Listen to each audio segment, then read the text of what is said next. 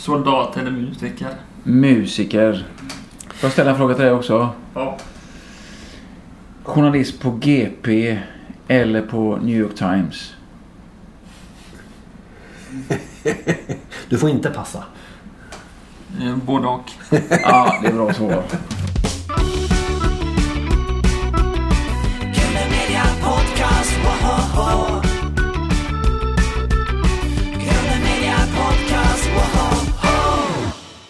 Välkommen Stefan Andersson till eh, Gröna Media Podcast med mig kommer Magnus Eriksson.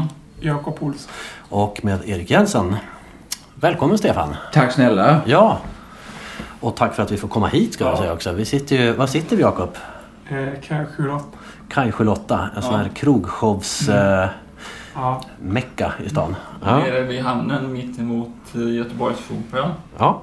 Precis, inte så långt ifrån kasinot. Nej, Men här är ju mycket trevligare. precis. Ja. Just det. Och vi är behagligt eh, förskonade från ljudet från alla vägarbeten här just omkring just nu. ja, de arbetar nog eh, men är en bit bort Ja, på båda ändar. Men det kommer nog eh, braka loss ordentligt här sen, Mm. jag tro. Hur är läget med dig idag Stefan? Det är jättebra. Det har varit en väldigt skön sommar. Ja. Jag tycker det har varit bra väder. Mm. Eh, fått gjort lite mysiga grejer. Umgås med familjen. Grillat. Spelat lite paddel. Sånt jag gör nu för tiden. Så Oh, just tiden det. går. På modet. Ja. Så att eh, nu är sommaren inte över riktigt än. Nej, men, är eh, men eh, så vi ska njuta av det sista och sen ska jag börja jobba lite så smått. Det är tanken här nu i höst. Mm. Jag tänker så här post-covid. Eh, eller vi- är väl fortfarande i det på något vis. Men hur har du parerat det här året? Ja, det är faktiskt drygt. Det är ett och ett halvt år nu ungefär som vi inte eh, kunnat jobba. Så i början var det lite chock. Om ni kommer ihåg när, när, den här, när alla blev hysteriska och skulle köpa dasspapper. Ja, just det. Ja, den perioden så var man ju också lite, vad händer så här, tagen av stunden. Eh, och man förstod allvaret och då, då var det lite mentalt jobbigt. Och sen så, när vi fick ställt in allting, det var lika bra egentligen att ställa in ett halvår fram igenom. Men sen kom det en period där eh, på hösten förra året då det verkade som att vi skulle släppa upp igen. Eh, och då, alla mina kollegor blev jätteglada och vi började släppa upp biljetter. Och så två dagar senare så stänger de ner allt igen. Åh. Och, det, och den, var, den, den perioden, den var tung. Faktum är att man lär sig att leva i att eh, det är som det är. Och inte gå och fundera kring, eh, kring det. För man kan inte göra någonting åt saken ändå. Så att eh, då fick man göra andra saker. Så på ett sätt har det varit rätt skönt eh, att faktiskt kunna göra andra saker. Eh, men naturligtvis så längtar jag och alla mina kollegor tillbaks. Har du skrivit musik eller har du gått in i studion eh, då när du har varit ledig? Mycket bra fråga. Eh, man kan ju tänka sig att då ska man lägga tid på att skriva låtar och gå in i studion när man ändå har tid. Men det gjorde inte jag. Jag rörde nästan inte gitarren på ett helt år. Aha. Av någon anledning. Eh, men sen, ja, men nu kanske för tre, fyra månader sedan så plockade jag fram gitarren och nu har jag skrivit jättemycket material på väldigt kort tid. Ah, Och det kommer väldigt lätt till mig för, för tillfället. Så får jag se vad jag gör med de där låtarna sen.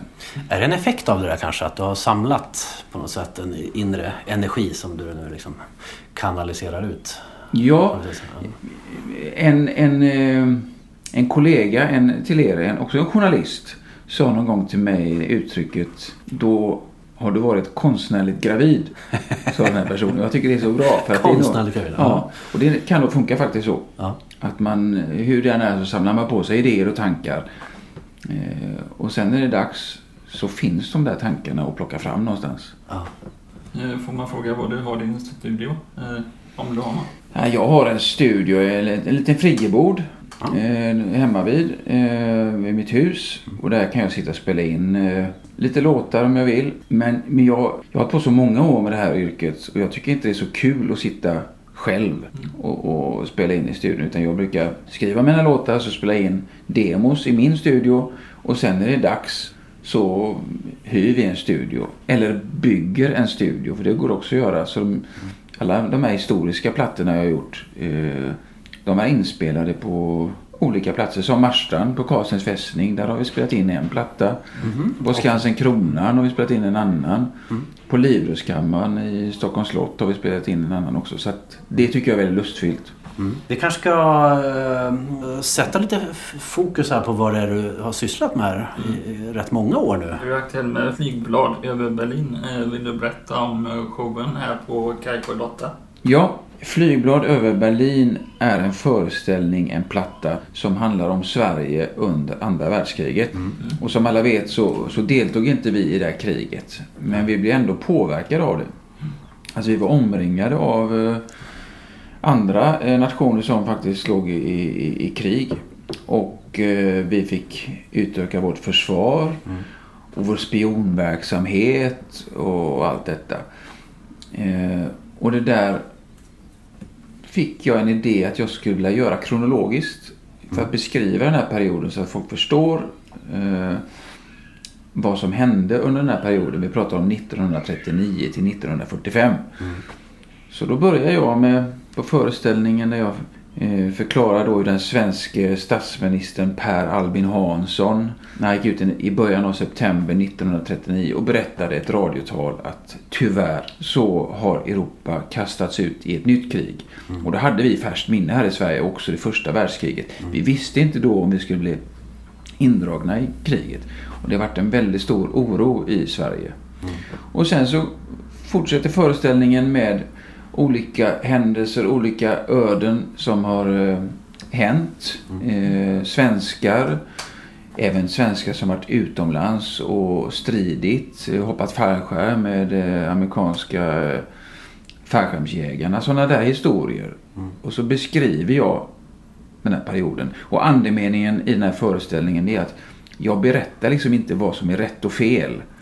Eh, men jag vill att folk ska känna att sensmoralen är någonstans att vi måste ta ett egenansvar. Vi kan inte låta det här ske en gång till. Ett sånt här stort onödigt krig. Skulle du kunna tänka dig att göra ny musik om eh, det som händer i politiken i Sveriges riksdag Idag. idag? Åh herregud. Vad är tanken jag fick? Ligger för nära inpå kanske. Ja, det, Framåt, det, efter. det skulle inte bli någon bra föreställning. jag vet inte. Men det hade varit ett väldigt intressant ämne att göra. Ja. Ja, Där man, eh, det som man får göra när man gör en föreställning det är att man ska göra det pedagogiskt. Eh, och att man liksom utbildar sin publik. Och i det här fallet om man nu skulle göra en sån föreställning om svenska riksdagen. Så skulle man nog få förenkla väldigt, väldigt mycket. För att folk skulle förstå. Och sen skulle man få måla med mänskliga känslor. Det är, det är inte alltid vi tänker på det i svensk politik. Att det är människor bakom de här besluten. Så det kanske hade varit en utmaning i sig. Men eh, svaret är nog nej, jag kommer inte göra platta om svenska riksdagen. Grotesco har gjort en fantastisk... Eh, ett avsnitt om regeringskrisen vill jag minnas. Det, Ja. var legendariskt. Ja, men hu- humor och satir, Ja. det, det görs ju mycket Ja. om, om svensk politik. ja. Men jag tänker alltså det där pedagogiska och berättarglädjen. Alltså, nu har ju inte jag varit och sett det här men jag har ju lyssnat på skivorna och tittat på lite klipp och det är en enorm eh, berättarglädje. Och även i liksom, nu spårar jag här, men liksom även i arren. Ja. Musiken, det är, liksom, det är lite så här frälsningsarmé-blås ibland Ja. och liksom eh, visa etc. Alltså, det, det är ett fantastiskt sätt att nå ut och vara folkbildande. Ja, det är det. Och berättarglädjen, den- är lite... Jag har en stor berättarglädje. Jag tycker det är... När jag har skrivit en låt eh, så, så, så jag, jag så längtar tills jag kan säga orden. Hörni, jag måste få berätta. Och så får jag berätta. För det här är så passionerat för mig. Så dramatiska händelser. Så jag vill berätta det på ett så bra sätt som möjligt. Och då, mina låtar, de som finns på mina plattor, de tycker jag är halva. De, de kräver en, eh, en palett, en förförståelse. Så, så det jag gör på mina föreställningar, då berättar jag det där som, eh, som gör det lättare sen att kunna ta till sig låten och texten som sen kommer. Så jag tänker så när jag skriver mina låtar att jag kommer berätta en historia innan låten. Hur lång tid tar det för dig att eh, skriva en låt till exempel? Det är så olika. Det är så olika. Eh, Flygblad över Berlin tog eh, fyra år att skriva och läsa på. För jag måste ju läsa på om de här ämnena. Däremot min första historiska platta som heter Marstrandsfången nummer 90 Kleis som handlar om fångarna på Karlsens fästning. Eh, där hade jag en helt annan upplevelse. Jag läste på ämnet i ungefär i sex månader. Och sen så skrev jag samt all musik, all text på fyra och en halv dag. Oj! Det är helt galet. Ja. Då var jag konstnärligt gravid Ja, verkligen. Med trillingar. Men ibland, eh, jag var i Varberg nu för några veckor sedan, tog in på hotell där för att skriva eh, lite på, på nytt material som jag håller på med. Och kom därifrån efter tre dagar, möjligtvis med tre meningar. Mm. Så ibland så är det, det händer ingenting. Nej. Och sen sitter man i bilen någon gång och så kommer bara en idé. Var kommer den ifrån? I don't know.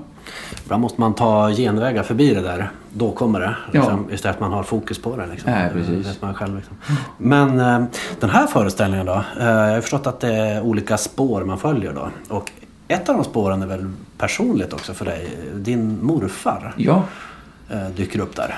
Min morfar Arne. Han eh, från Norge och eh, han hamnade framförallt hans bror i motståndsrörelsen. Så hans bror blev faktiskt skjuten. Han överlevde det men blev skjuten. Och min morfar blev jagad av tyskarna eh, tills han nådde den svenska gränsen. Där han klev över. Och så träffade han min mormor på en eh, grusväg när hon gick med sin cykel. Eh, och eh, nu lever inte min morfar längre men, men eh, han, när jag var liten så om, om det här med kriget kom på tal så blev han alldeles svart i blicken eh, och lämnade rummet. Eh, så han hade väldigt eh, väldigt stort hat mot kriget och mot tyskarna. Ja. Det var hans upplevelse som hade gjort detta. Och det, han, det är en sjukdom. Ja, ja, Att, ja. eh, Trauma alltså. Ja, det är ett trauma. En, en sjukdom som han, eh, som han levde med. Så jag beskriver honom i egentligen två låtar. Mm. En som heter Sotapojken. För han var sotapojke.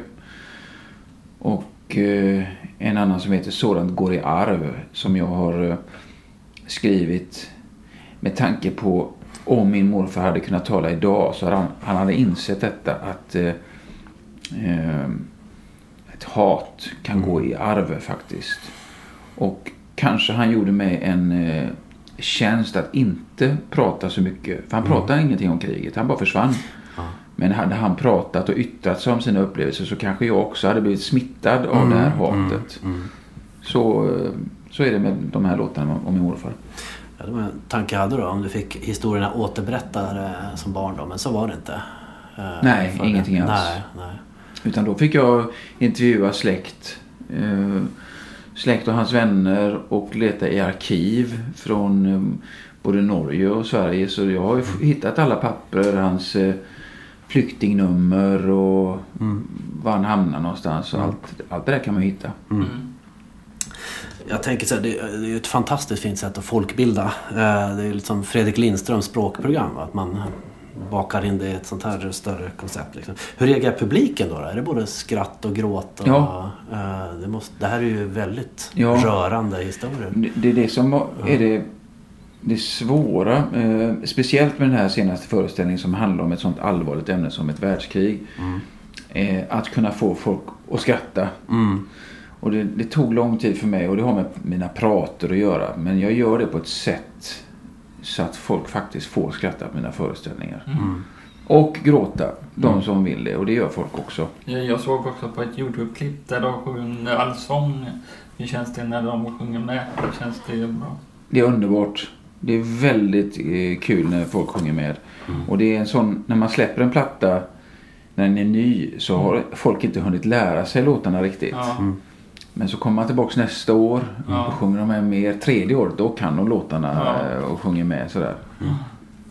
Skulle du kunna tänka dig att leda allsång?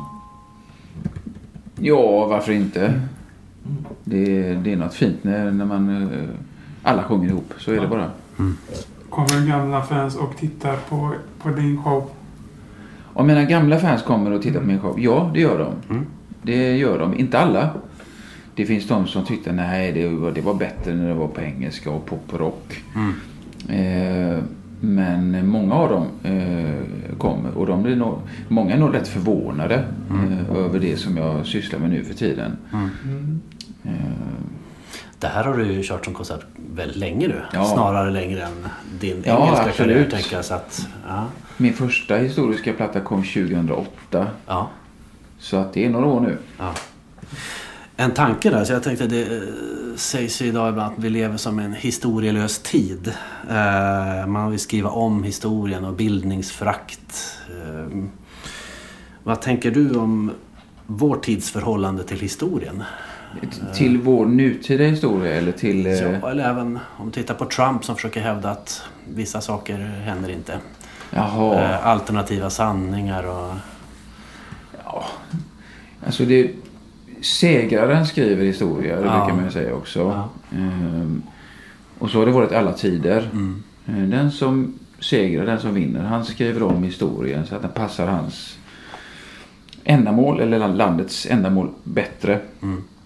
Eh, fördelen med, med att leva nu det är att vem som helst av oss kan få reda på sanningen. Mm. Om vi lägger ner lite tid Mm. på att eh, eh, läsa på nätet eller köpa litteratur. Så vi har väldigt, mycket, väldigt stor chans att kunna förstå var vi kommer ifrån och vilka vi är. Mm. Om vi lägger ner det jobbet.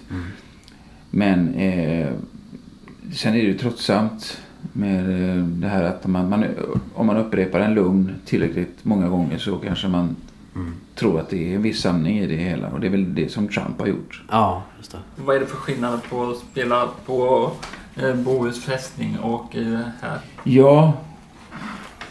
Eh, vi har spelat på Karlsens fästning. Bohus fästning den ja, ligger eller i... Karlens. Ja. Ja. Eh, skillnaden är att... Jag såg det på... Ja, precis. Den, den, den, alltså den föreställningen Marstrandsfången nummer 90 Ja, klass. Den gör vi på en fästning. Ja.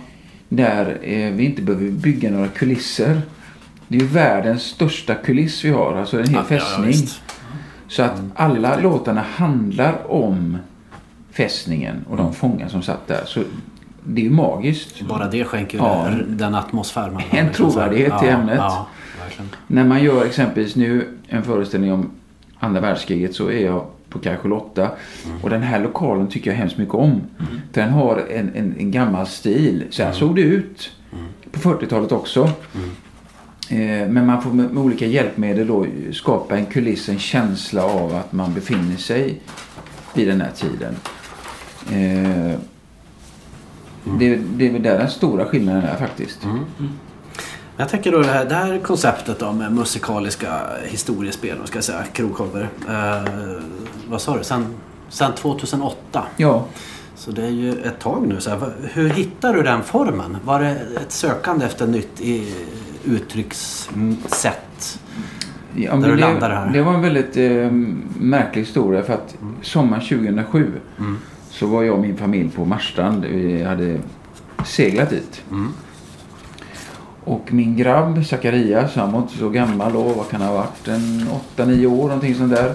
Mm. Han fick syn på fästningen där uppe på toppen och då ville han gå upp.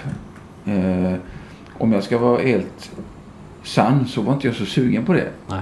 För att det var så fint väder och vi satt i båten och käkade lite räkor och hade det gott. Men så gick vi ändå upp till fästningen och där tog vi en guidad tur. Och den här guiden han berättade om de här fångarna som hade suttit där en gång i tiden. Han var väldigt, väldigt skicklig på att berätta om detta. Mm. Så där och då hade jag någon slags magisk minut. Mm. Där jag bara kände och visste att jag skulle göra en platta Mm. om det här ämnet. Och då hade inte jag gjort en platta på nästan sju år. Nej, just det. Nej. Så att eh, det tog en minut och sen så var jag så trygg i det så jag gick ner till de andra i båten och sa jag ska göra en platta om den här fästningen. Mm. Och för, jag tror inte folk som satt i båten riktigt brydde sig om vad jag sa. De tänkte att han... Eh, Ge han ett glas vin till eller något sånt där tänkte de. men, men så blev det. Ja. Så det var en, en, bara en ingivelse. En, eh, en stund av inspiration. Och det har jag lärt mig genom åren att man ska vara väldigt vaksam och nogsam när man får inspiration. Det är så lätt att känna att ja, det- hade varit så roligt. Och så gör man inte det. Mm. Så man ska vara noga när man hittar den här inspirationen Mm. och värdesätta den för det är mycket gratis i det. Mm. Din passion är redan eh, där liksom. Sen är det en chansning. Jag kommer ju från pop och rock och nu skulle jag skriva om fångar, döda fångar på eh, fästningen. Men det var utmanande och väldigt kul. Ska jag säga, det berättandet hade du även i den där tidigare pop och rock. Ja, det- på, på sätt och vis har jag väl alltid haft i mina texter. Eh, dramaturgier på något vis. ja, jo men jag har nog alltid tyckt om att berätta historier.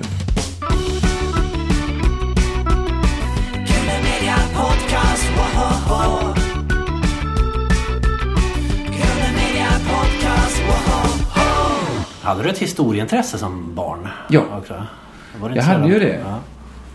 Jag hade en jättebra lärare på uh, Tynneredsskolan som hette Ella Olsson. Och hennes lektioner var helt utan böcker. Mm. Utan hon eh, berättade bara om ämne för att hon tyckte om det. Mm. Och när en, när en lärare är passionerad så lyssnar man. Nu är vi inne på barndomen här. Så vi- vi kan börja fortsätta på den punkten där då. Eh, ville du bli musiker när du var liten? Ehm, alltså på riktigt så var det så att jag, jag började spela fiol när jag var åtta år och så köpte jag min första gitarr när jag var 13. Eh, och hade band på skolan och sådär. Men jag tänkte nog aldrig tanken att det här skulle kunna bli mitt yrke. För att hem och skola, eh, allting pekade på en utbildning. Eh, så jag tänkte, jag tänkte att jag eh, får väl ta ett riktigt jobb då. Eh, och sen hålla på med det som en hobby. Så jag gick faktiskt, jag, jag gick på gymnasiet precis här borta. Eh, Kasinot var en skola en gång i tiden. Aha, okej. Ja, så där gick jag en, en linje som heter drift och underhållsteknisk linje. Eh, och Du, tyckte inte det du var... gick inte på kasinot och... Nej, nej, nej, det fanns inte då. Nej, så det blir inget med det. Men, Tack och eh, lov får man säga. Annars har de spelat bort studielånet. Men, eh, så- så jag tyckte inte det var så roligt. Eh, Var det en musikalisk familj? Så. Nej. Det, det kan jag inte påstå. Min pappa han gick och sjöng lite Evert Taube för sig själv hemma men det var inte mer än så. Så och ingen av mina bröder håller på med musik heller egentligen. Så att, men sen började jag jobba som trubadur och hade lite andra jobb. Och sen fick jag ett riktigt jobb. Ett fint jobb. Ett, eh, som hem och skola tycker man ska ha då. Där jag jobbar på ett tryckeri. Ja. Till och med någon slags chefsposition. Ja. Eh, men där vantrivdes jag också. Och då tänkte jag så här att nej, jag säger upp mig. Och så ger jag tre år av mitt liv och ägnar mig åt musiken. Helt och hållet. Och går inte det så går jag tillbaks och blir tryckeriarbetare eller något sånt där. Så har jag sagt och gjort. Jag sa upp mig. Och eh, började skriva låtar och efter redan något halvår och år så hade jag fått ihop så pass med låtar så jag tyckte att det här är, måste jag presentera för skivbolag. Så då åkte jag upp till Stockholm och hittade ett skivbolag där som ville ge ut mina låtar. Och det, min första platta den hette Emperor's Day och en låt som det. heter Catch the Moon och den Ja. blev ju en jättesuccé där. Oh, ja, det var som en bomb som slog ner alltså, Ja. när det kom. Alltså. Så sen gick jag aldrig tillbaks till något annat yrke. Men strax innan där, ryktet säger man ju också att du gjorde en discoskiva i Tyskland. Ja, Det måste du berätta om. ja. Jag hade, jag kan ha varit 17 år. Ja. Så gick jag på en skola eh, med, musikinriktning eh, någon dag i veckan. Ja. Och eh, något bolag från Tyskland eh, som eh, erbjöd oss att spela in en platta. Så vi var nere i, utanför Hamburg och spelade in en platta. Och det, det är riktigt skitdåligt faktiskt. Ni gjorde som Beatles här alltså? Ja, ja, just det. Ja. Ja, jag hade tänkt på men det är ju, de, de gjorde samma resa. Minus reperban. Ja, precis. Nej, men så det, det var bara för att det var, det var kul. Mm. Kul att komma till Hamburg och spela in någon platta. Så det blev en, någon slags, på den tiden kallade man det för maxi-singel. Ja. Ja. En vinylplatta som sk- skulle kunna snurra på dansgolven. Tror ni att den plattan snurrade på dansgolven? Ja. Nej, Ja. nej det gjorde den inte. Då tycker jag vi, vi lobbar för att den plattan kommer upp i ljuset här nu. Så vill vi se dans på, kassi- äh, på kajskjulet här efteråt då. Vad hette ditt eh, första band? eh, När du var... Det, det som du startade? Eh, det, vi hade ett band. Eh, Alltså en av mina musiker som jag jobbar med än idag, Ja. en av mina bästa vänner, Magnus Moffa Törnqvist. Eh, vi gick i grundskolan tillsammans och han är med mig än idag. Mm. Vi startade ett Beatles-band när vi gick i årskurs 7. Mm. Och då kallade vi oss för Kopior med C. Det var mitt första, det var mitt första band. Ryktet säger att du kan samtliga 256 Beatles-låtar också. Ja, mer eller mindre. Det är så, ja. så kan jag nog det. Vilken är din favorit? Ja, det varierar eh, eh, med Beatles låtar. De, de, de låter så olika. De, har så liksom sin första period.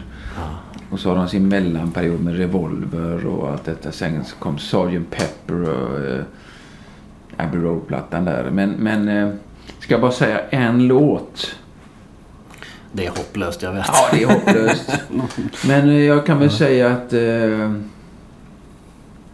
Come Together tycker jag är en låt som funkar i alla lägen. Just det, ja, den är, den är skön, skön basgång. Ja. Vi närmar oss 90-talet här då.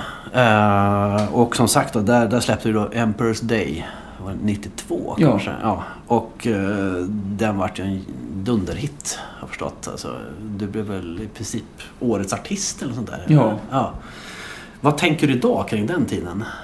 När du ser tillbaka på den. Mm, vad jag tänker om den tiden det var att eh, det var väldigt roligt att skriva de här låtarna. Det var väldigt roligt att spela in dem. Eh, I studion. Det var helt nytt för mig. Jag hade varit i studio innan men nu var det på riktigt. Och göra omslag och, och släppa plattan. Det, det var bara förknippat med glädje och lycka. Framgången var lite tudelad. För Naturligtvis var det väldigt kul att det gick bra för plattan och de spelade den på radio. Det var jättekul att de spelade den på radio. Men sen var det så mycket turnéer och intervjuer och jag var utomlands och här. Så att, jag skulle säga att det var en väldigt stressig situation också. En stressig tillvaro. Så jag trivdes aldrig riktigt bra med den, eh, den tiden. Det, det ligger inte för mig liksom att flänga runt hela tiden. Och det var alltså din debutplatta Ja. som kom då. Så det, här, det var där du satt och skrev de här låtarna som vart en sån jättesuccé. Liksom. Ja. Mm. Det var liksom, jag var med i ett program som heter Oldsberg för närvarande. ja, ja, visst. Som var jättestort. Ja. Mm, Väldigt många människor såg den här eh, tv-sändningen. Kompad av bandmaskiner kanske. Ja, precis. Och ja, då hade jag redan signats till Ema Telstar som var ett bokningsbolag. Och dagen efter så hade de satt 70 spelningar på min eh, turné. Oj. Och två, tre dagar senare så hade de satt 170 spelningar. Alltså det, de de satte ett par år fram igenom tills jag fick säga stopp. Det var för mentalt jobbigt att bara ha Ja, ja. en jätteturné. Det var andra tider då. Det var ett annat, slog man igenom så slog man igenom ordentligt. Mm. Och sen dessutom inte bara det, sen ska du skriva nästa platta under den här perioden. Och, och få tid till detta. Och så flyttade jag till Stockholm, ny lägenhet och nytt umgänge. Så det var, det var, en, Mm. det var hemskt mycket kul men, men också mycket stress. Mm. Och hur kom låten Kerstemon eh, till? Den kom till av att jag spelade ett riff på gitarren. Eh, Och så, det här är en sann story. Eh, älskar sådana. Så skrev jag den här eh, visan den, i tre delar. Ja. Så de flesta låtar där det är alltså en vers. Ja. Och sen en refräng. Och sen någonstans så har man ett stick. Eh, och den här låten innehöll de här delarna. Men Muffa, min kompis, han var hemma hos mig. Och så frågade han vad jag tyckte om den här låten. Eller vad han tyckte om den. Och då sa han att versen var okej. Sticket var okej. men refrängen var det sämsta. Inte bara var jag utan vad någon människa någonsin har skrivit. så jag tog bort refrängen. Ja. Och det som är refrängen idag, det, det kallade jag för stick på den här tiden. Ja. Var är den inspelad någonstans och eh, var är Riff någonstans? Riffet. Eh, den är inspelad på Polarstudion. Det var Abbas gamla studio. Eh, Eller själva musikvideon där ni åker i en bil? ja, den är inspelad eh, vid, vid Gränna. Ah, nere vid. Vättern Ja, där. ja. I en gammal eh, PV, alltså Ja. Volvo PV som vi åkte omkring i. Och så, jag vet inte varför han hängde med med videon. Där har jag med mig en ung grabb. Han kanske är tio år och så åker vi omkring i min PV. Fråga mig inte varför men det var så vi gjorde. Men jag tänker um, Moffa här nu då. För det första måste jag säga, det är hä- häftigt med någon som har varit med under hela din resa. Liksom, och, och ni spelar fortfarande här. Ja. Eh, tryggheten är att ha någon som eh, kan en musikaliskt och personligt. Liksom. Ja, ja, Eh, verkligen. ja.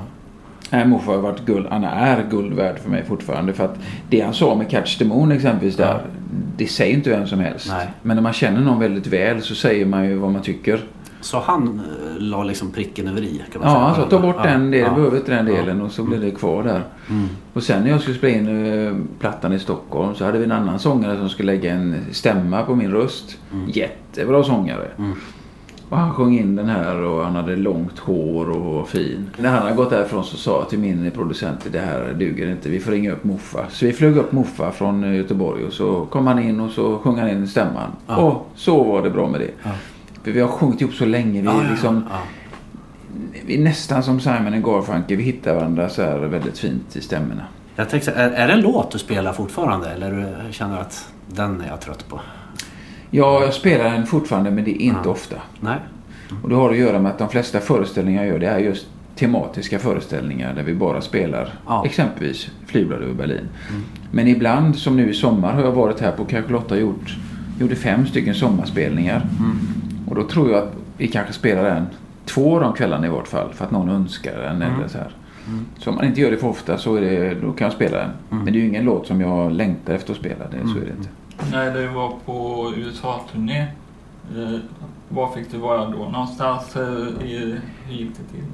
Eh, jag hamnade aldrig på någon turné i USA. Det Utan var- jag gjorde en massa möten med skivbolag i USA och Kanada och runt de andra ställen. Men någon riktig turné blev det aldrig. Så jag... När det var dags att släppa mina grejer där nere så hade jag faktiskt hoppat av tåget. Mm. Så att eh, då blev det inget med det. Det släpptes inte? Ja, För det var redan Nej, det släpptes väl i. Europa och i Asien lite grann sådär. Men jag, Mm. jag ville göra annat. Så att jag hoppade av. Eh, hur var det att göra badrock med Björn Skifs? Ja, det var kul. Det var sommaren 92. Mm.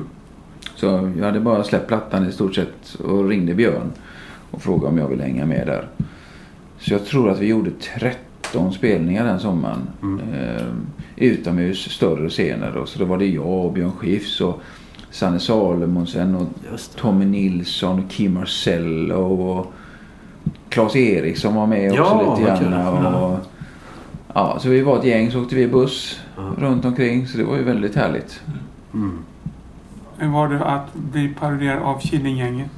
Ja, underbart. Det jag, är gillar en, det, en ynnest. jag, jag gillar deras grejer som Ja. de hade gjort.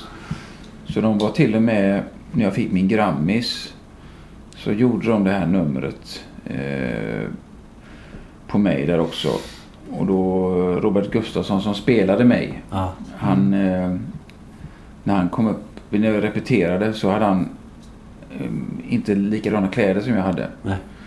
Så då sa jag till honom att om du åker ner till NK så hittar du precis de här kläderna som Ja. jag har på mig. Så han åkte dit och så köpte han så det blev ju pricken över vit. Vad de säger där, folk kommer och går men gitarren den består. Ja, det kommer han jag säger, ja, fan man säger det i manegen där. Ja.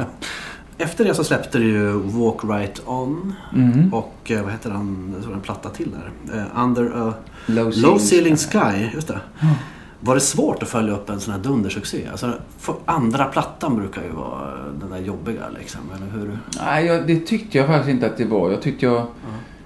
Jag hade skrivit så mycket låtar. Eh, alltså jag, jag, jag höll på med att skriva låtar eh, sedan långt tillbaka. Så Några av de här låtarna hamnade på min första platta. Men några hade jag kvar som jag kunde lägga på den här. Eh, och sen så skrev jag faktiskt eh, kontinuerligt när jag var på turné. Mm. Fick ihop den här. Däremot min tredje platta, Under Low Ceiling Sky. Mm. Där kände jag att jag behövde ha hjälp med det engelska språket. Jag är, jag är lite begränsad som vi alla är i det engelska språket. Om man nu ska säga någonting lite mer på djupet. Mm. Så då hittade jag en amerikansk textförfattare i, eh, som heter Terry, Terry Mm. Cox. Så vi skrev de här texterna ihop och det var skönt. För det gav också mig en liten motor, Mm. Ja, just det. Mm. eh, en liten energi.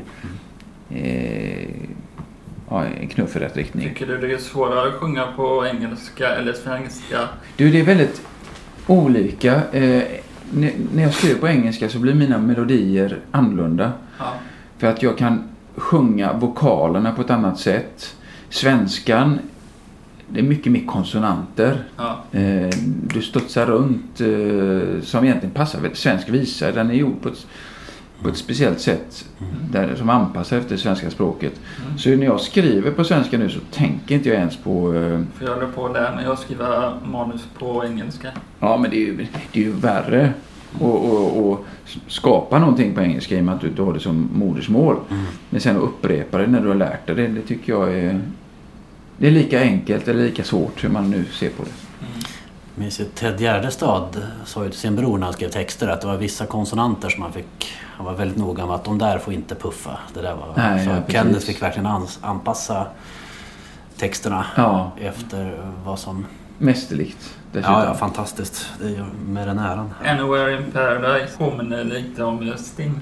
Eh, kan jag hålla med om. eh, Vill du berätta lite om eh, låten och eh, videon? Anywhere in Paradise. Ja. Eh, jag, jag håller med dig. Den andas lite Sting. Eh, men det är ingenting... Eh, utan det är mer... mm, Den andas eh, Sting. Den, den är inte knyckt någonstans ifrån. Men Nej. han hade kunnat gjort den här låten. Så, så har jag alltid tyckt. Mm. Eh, ja, vi spelade in den här plattan i Stockholms skärgård. Det är ett gammalt stall. Mm. Vi byggde upp en studio där. Och videon som ni frågade om, den är inspelad i London. Ja, den är Mm. väldigt snyggt inspelad. Ja, det det är en glad låt. Hur lång tid tog det att spela in den? I studion? Äh, själva liksom eh, musikvideon. Ja, musikvideon. Det gick nog på en dag. Vi samlades tidigt på morgonen och sen så gick vi hem någon gång på eftermiddagen. Och sen så är det naturligtvis ska de editera och redigera, eh, färgsätta videon och så här. Det vet jag, var inte jag med. Det kanske tog dem två dagar. Var det du som skrev eh, låten på engelska eller vem gjorde det? Det gjorde eh, Terry och jag. Eh, Låten skrev jag men texten skrev vi tillsammans. Eh, varför slutar du sjunga på engelska?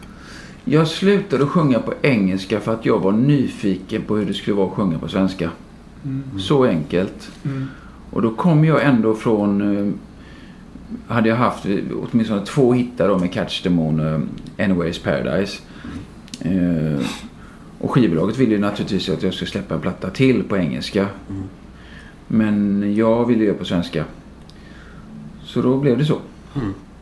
Då kan du bara fråga mig så kan jag skriva låtar åt dig. Ja, jag får fråga det nästa gång. Ja. Terry Cox är ute ur leken där. Ja. Vilka har du annars som förebilder inom musiken? Eh, ja, men jag, min största förebild är utan tvekan Beatles. Eh, Även om inte jag låter som... Eh, min musik påminner inte speciellt mycket om Beatles. Mm.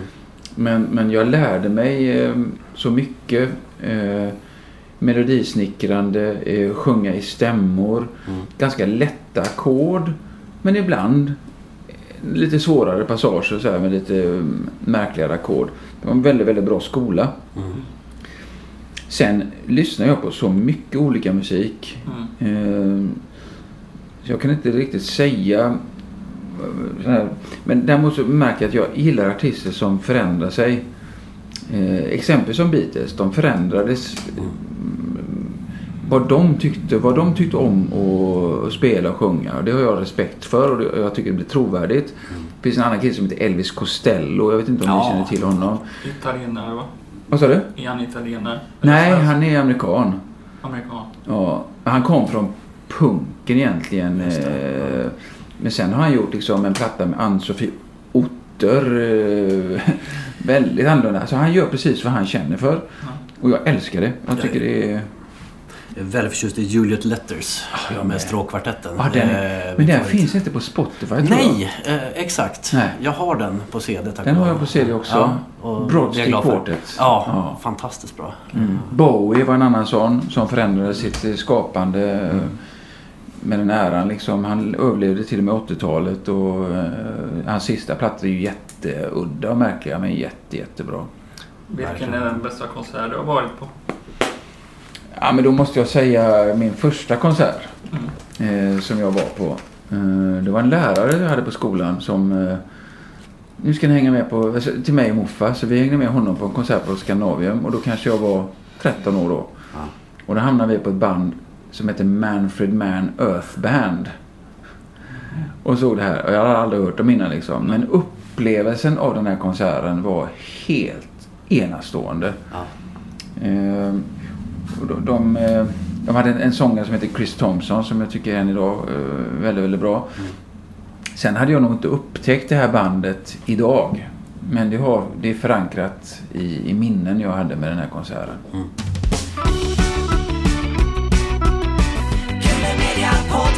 Woho!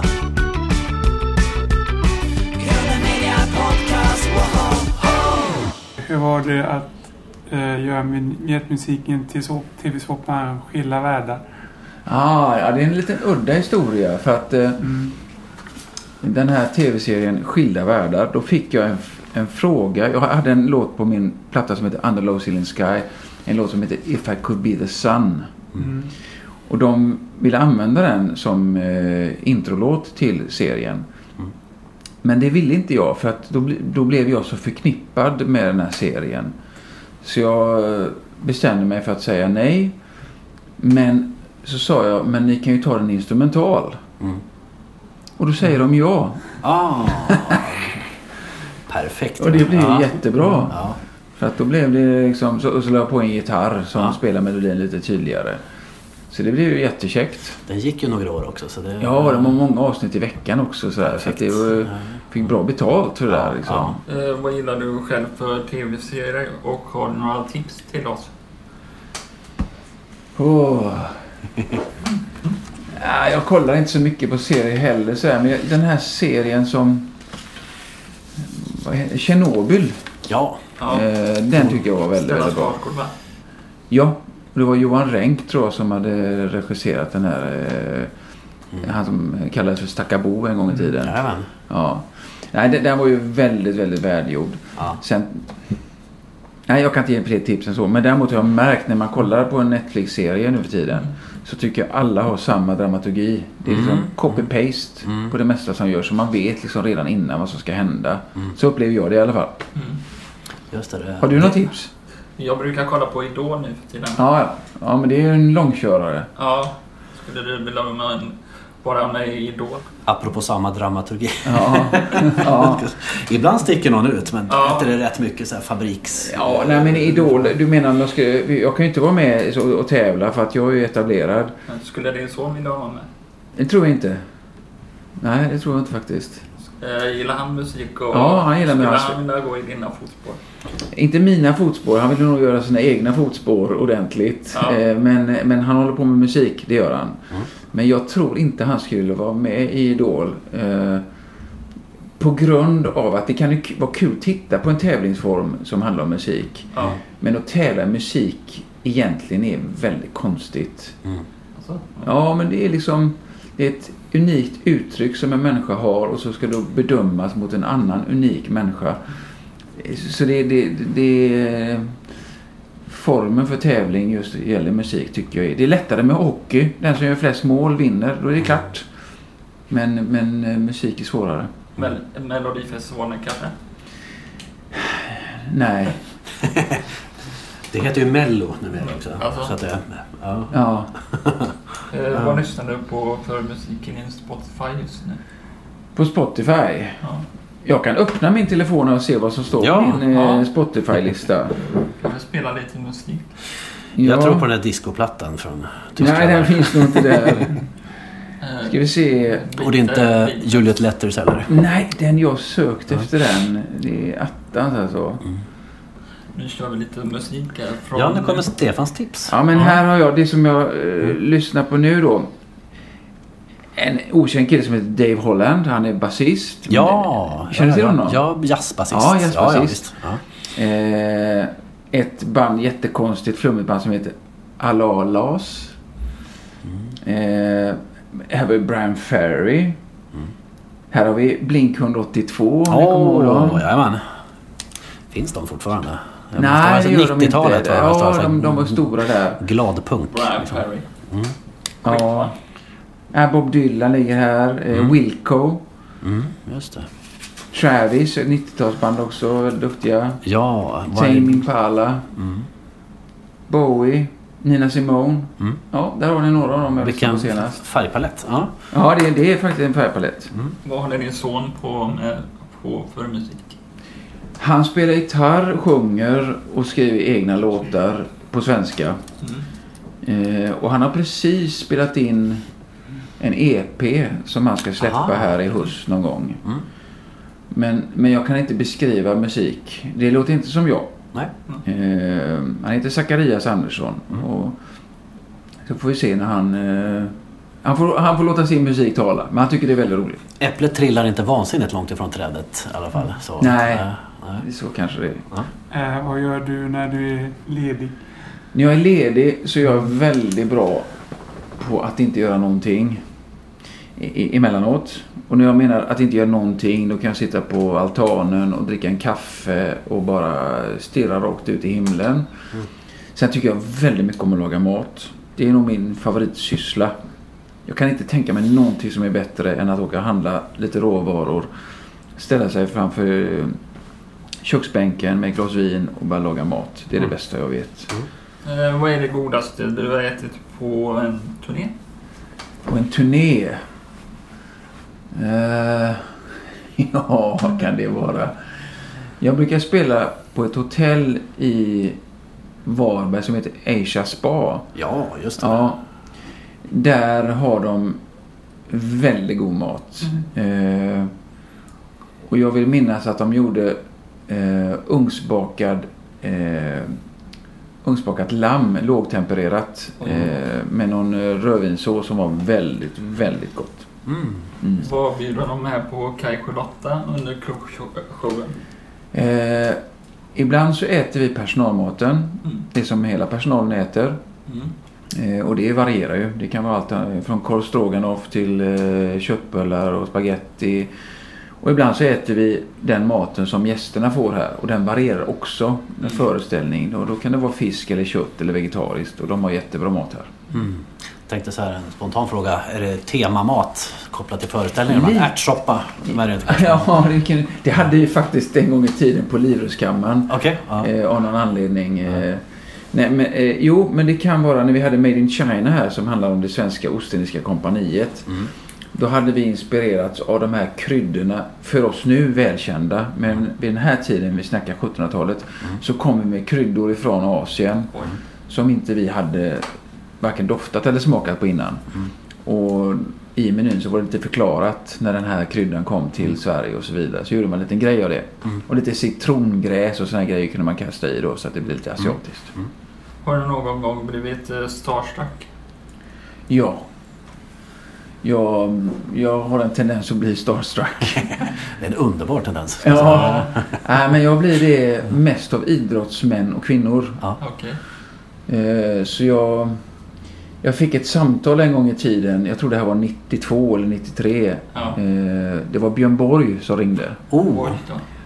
Och han undrade om jag ville spela på eh, vad heter den? Swedish Open eller sånt heter den. En tennistävling som gick på Mm. Globen. Coolt. Eh, för de här tennisstjärnorna. ja. Dåtidens tennisstjärnor. Och då, naturligtvis, det vill jag ju frottera mig med de här fina idrottsmännen. Och så frågade han vad jag skulle ha betalt. Och då sa jag, jag vill ha en match mot dig. så jag fick en femsetare mot Björn eh, Borg. Och då var jag starstruck. Det, är Vem inte, det är inte många Vem mus. som vann? Ja. Ja, det var inte jag kan jag säga. Jag fick stå ut med 6-0, 6-0, 6-1. Den där poängen där, ettan, Ja. får du leva länge på. Den jag. lever jag på än. Annars är det så här, på musikersidan är det väl möjligen Ted Gärdestad som har lirat mot honom. Ja. Tidigare. De var ju Ja, de, de, nära så. så att, de var duktiga båda två. Ja. Eller Ted var jätteduktig i tennis. Ja. Jag var inte han till och med junior två? Jo, Så jag här, tror det. Så att, ja, och Björn gick vidare. Vilket är ditt eh, sämsta hotell du har bott på? Sämsta hotellet? Ja. Det är inte Asia Spa då, uppenbarligen. Nej, ja, men det här måste vi gå tillbaks till när jag och Moffa var ute som trubadurer. Ja. Då hamnade vi och spelade på en eh, kinesisk restaurang. Jag tror det här var i Växjö. Ja. Eh, och där boende ingår då när man är trubadur. Ja. Men då fick vi sova på i en källare. Det ser ut som en sån här... eh, Ett skyddsrum. Där en knarkarkvart helt enkelt. Med madrasser som har varit med om både det ena och det andra. Där sov vi. Det var det sämsta. Oj. Ja. Känns som vi ska kunna ha här poddtema bara ha så här eh, intervjuobjektens eh, sämsta turnerminnen. Liksom. Ja. Vi har fått så mycket berättelser Ja, genom ja, ja. åren. Ja. Eh, Om, om du inte vore musiker, vad skulle du vara då i så fall? Om inte jag var musiker så tror jag att jag skulle vilja bli fotograf. Mm. Jag plåtar inte så mycket men det är någonting med det yrket som jag tycker är fint. Mm. Jag uppskattar eh, vackra foton och de är lite arbetade med så här. Så det skulle jag kunna tänka mig. Tänker, Du som berättar i bilder på något vis. Ja. På scenen Ja. ett annat forum. Men Ja, det- det är faktiskt sant. Jag liksom- Ja. Skulle tycka det var jättekul. eh, Ja, av någon konstig anledning så är jag väldigt fascinerad av eh, fiske. Mm. Eh, alltså fisk, små fiskebåtar med en utombordare. Den, den där typen av fiske är jag väldigt fascinerad av. Och när jag är utomlands så brukar jag ofta åka ner till den lokala hamnen tidigt på morgonen och så ser jag de här komma tillbaks. Och så lägger de, ibland kör de upp, i Portugal bland annat så kör de upp de här båtarna på stranden och så upp med de här näten, snurpvad tror jag de kallas. Och så gör de ett snitt i nätet och så rann fisken ut på eh, stränderna och så gick de och plockade upp de här olika korgar i fackelsken. Och magiskt vackert. Mm. Och något sånt där hade jag velat... eh, Jag ville vara där och plåta och så skulle jag kunna göra en, eh, en, en bok nästan om, om bara fisket. Det är ju ljuv musik bara att höra ljudet av en gammal tändkulemotor. Jag tänker. Ja. De här gamla... Gillar du att plåta med systemkamera eller med mobilkamera? Eh, Jag plåtar väldigt lite, eh, märkligt nog, men jag har en systemkamera men den har min son lagt rabarber på. Oj. Och sen har jag min mobil och där plåtar jag väl ibland. Ja. Men lägg inte ner så mycket mm, kärlek på komposition så i bilden utan det är mer för att bevara ett minne. ja. Som jag. Jag plåtar också med mobilen. Ja. Eh, vad är du mest stolt över i karriären? Mest stolt är jag faktiskt att jag har eh, litat på mitt eget hjärta. Att jag inte har gjort det som andra tycker jag ska göra. Det som på pappret verkade vara bäst. Utan har det inte känts rätt så har jag inte gjort det. Mm. Har det känts rätt så har jag gjort det även om folk har sagt att det där kan man inte göra. Har du någon drömsten eller som du vill spela på? Dröm-CM. Ja. Eh, jag vill spela- spela på Albert Hall. Det hade varit fint. Mm. Eh, Ja. Men sen hade jag även velat eh, spela på Ullevi och fira Göteborgs eh, 400-årsjubileum Mm. med makalösa kulisser och eh, det, det hade gått att göra så fräckt. Mm. Ja. Det hade gått att göra så fräckt. Mm. Berätta Göteborgs historia på riktigt. Ja, visst.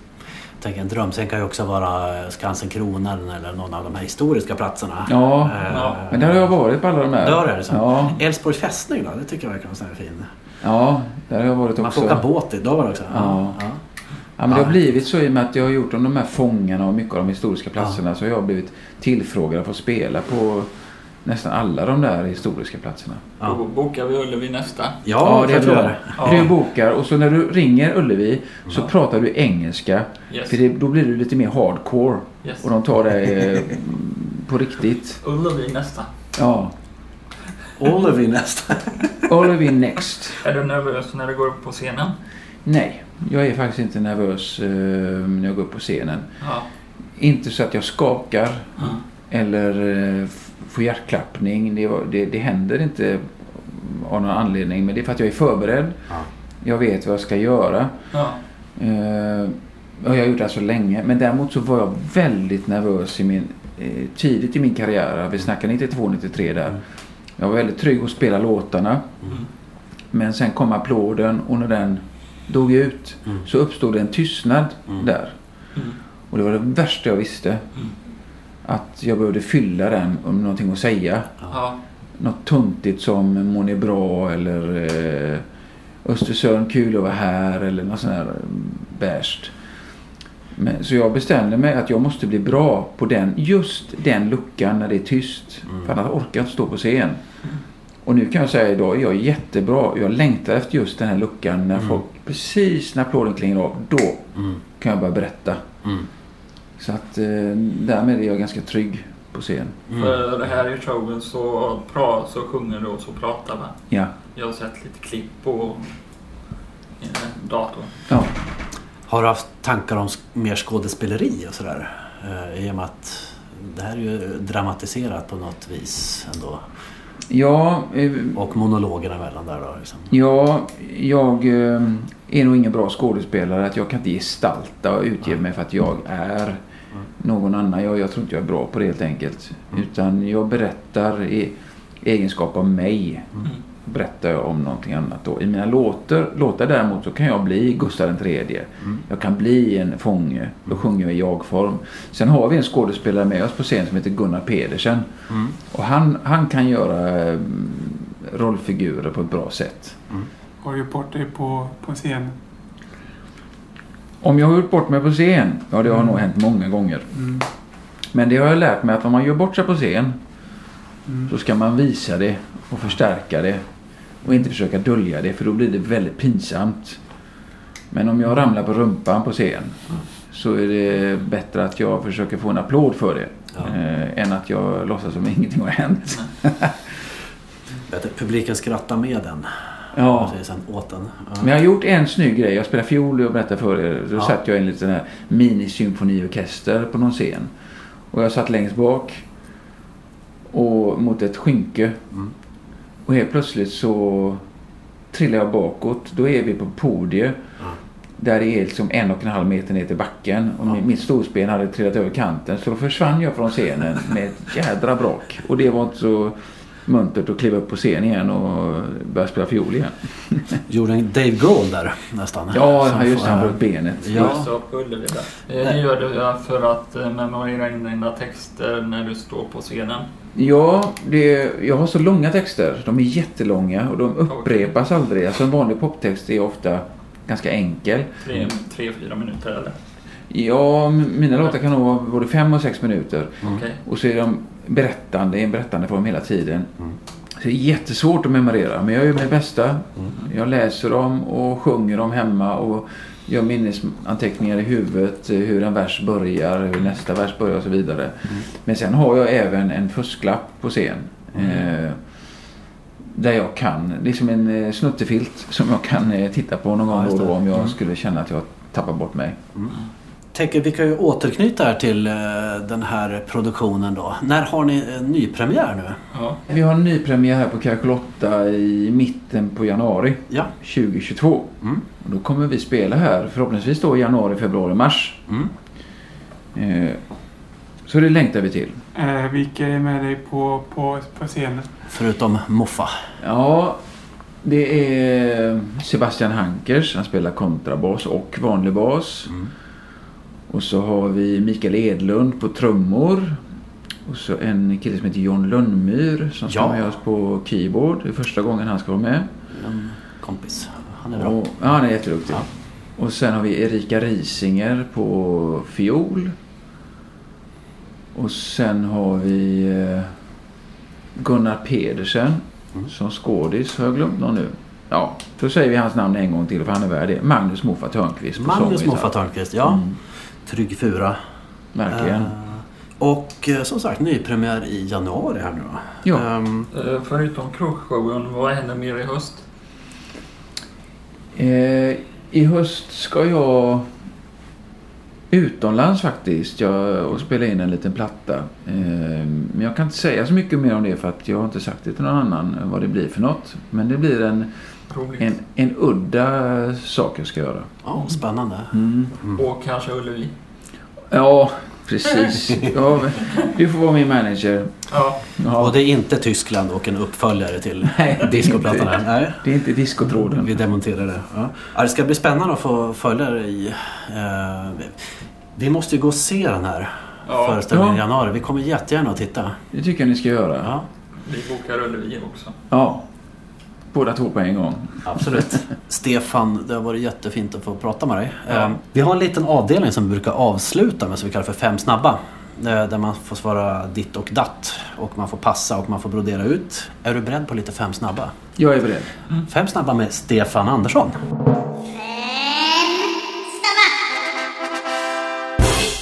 Berlin eller Göteborg? Göteborg. Sång eller skådespeleri? Sång. Engelska eller svensk? Svenska. Kaj Charlotta eller Marstrand? Pass. Eh, 1942 eller 2021? Eh, 2021 får jag väl säga. Trots att det är lite tuffa tider nu så var det nog ännu tuffare 1942. Ja. Some put a trust in the East eller some put a trust in the West? Ja, clever. Ja du, eh, det är den eviga frågan. Ja, du får passa. Ja, Det här är ju West ändå kanske. ja men så, så är det Ja. ju. Men vi lever ju ändå där och Ja. har demokrati. Jag tänker på västkusten kanske framförallt. Jaha, Ja. ja du tänker så. Men då säger jag, då säger jag västkusten. Nu leder jag dig fram till Ja, det det svar jag vill ha. Det var inte alls meningen. Men, ja. Då säger jag paddel eller segelbåt. Paddel. De klarar utan skador i alla fall. I pad paddlandet. Ja, man har lite skavanker. Eh, Alla vi som spelar paddel har skavanker. Men eh, det är nog många som har sluppit skavanker också för att man eh, håller sig i trim. Ja. Eh, sommar eller vinter? Sommar. Soldat eller musiker? Musiker. Får jag ställa en fråga till dig också? Ja. Journalist på GP eller på New York Times? Du får inte passa. Eh, både och. Ja, det är bra svar. Bra, bra, bra. Oh. Den var svår. Om du får ställa en följdfråga till Claes Månsson. Lorry Claes. Mm. Vad skulle du vilja fråga då? Mm, jag gillar ju det han har gjort till att börja med så att jag... Det finns en, kanske du kan hjälpa mig, det, det är en scen där de sitter och ska hitta på en present till Ja, ja. chefen. En kanelbulle och så blir det svart. Ja, just det. Lo- det är från Yrrol-filmen tror jag, Jakob. Mm. Hej Claes, det här var Stefan Andersson. Jag har en eh, fråga till dig. Eh, den här serien, eh, eller avsnittet där ni har en eh, bulle och sen så blir det svart. Den är fantastisk. Är den skriven ord för ord innan eller freebasar ni? Alltså tar ni på uppstuds? Och när det är... Alltså hur, hur får man fram en sån sketch? Hur gör ni? Freebasar ni eller skriver ni ord för ord? Du ska faktiskt få ställa en liten följdfråga även till nästa amerikanska gäst som är Scott Krokoff. Hi Scott, my name is Stefan. Do you think Swedish people are able to play americana? That's good. Bra fråga. Ja. Stefan, det var så himla fint att få prata med dig. Ja. Eh, vi är glada att få komma över och eh, se vad du har. I görningen här, ja. Premiären här på Kaj Charlotta. Mm. Underbart. Jag tyckte det här var fantastiskt kul också och en liten eloge till er. Åh, För att frågorna var så bra. tack. Ni ska veta att när man gör Ja. intervjuer med andra större media ibland eh, så har de mycket sämre frågor. De har så bråttom men ni hade tänkt igenom detta så en eloge till er grabbar. Tack så jättemycket eh, för det. Vi nu är till jätteglada. oss på Gröna Media. Underbart. Så du är välkommen på kaffe och eh, även musik. musik. Ja. Jag tyckte du sa brännvin men det, var inte det du sa. Nej, även musik. Ja. När all personal har gått hem vet jag inte vad som händer där, men vem vet. Ja. Så ja, vi tackar så jättemycket Stefan. Lycka till med, eh, med krogshowen här. Ja, med nypremiären då. Ja. I januari. Vi kommer att sitta på första bänk. Det lovar vi. Tack så hjärtligt. Mm. Vi ses. Sköt om dig. Vi ses. Tack hej.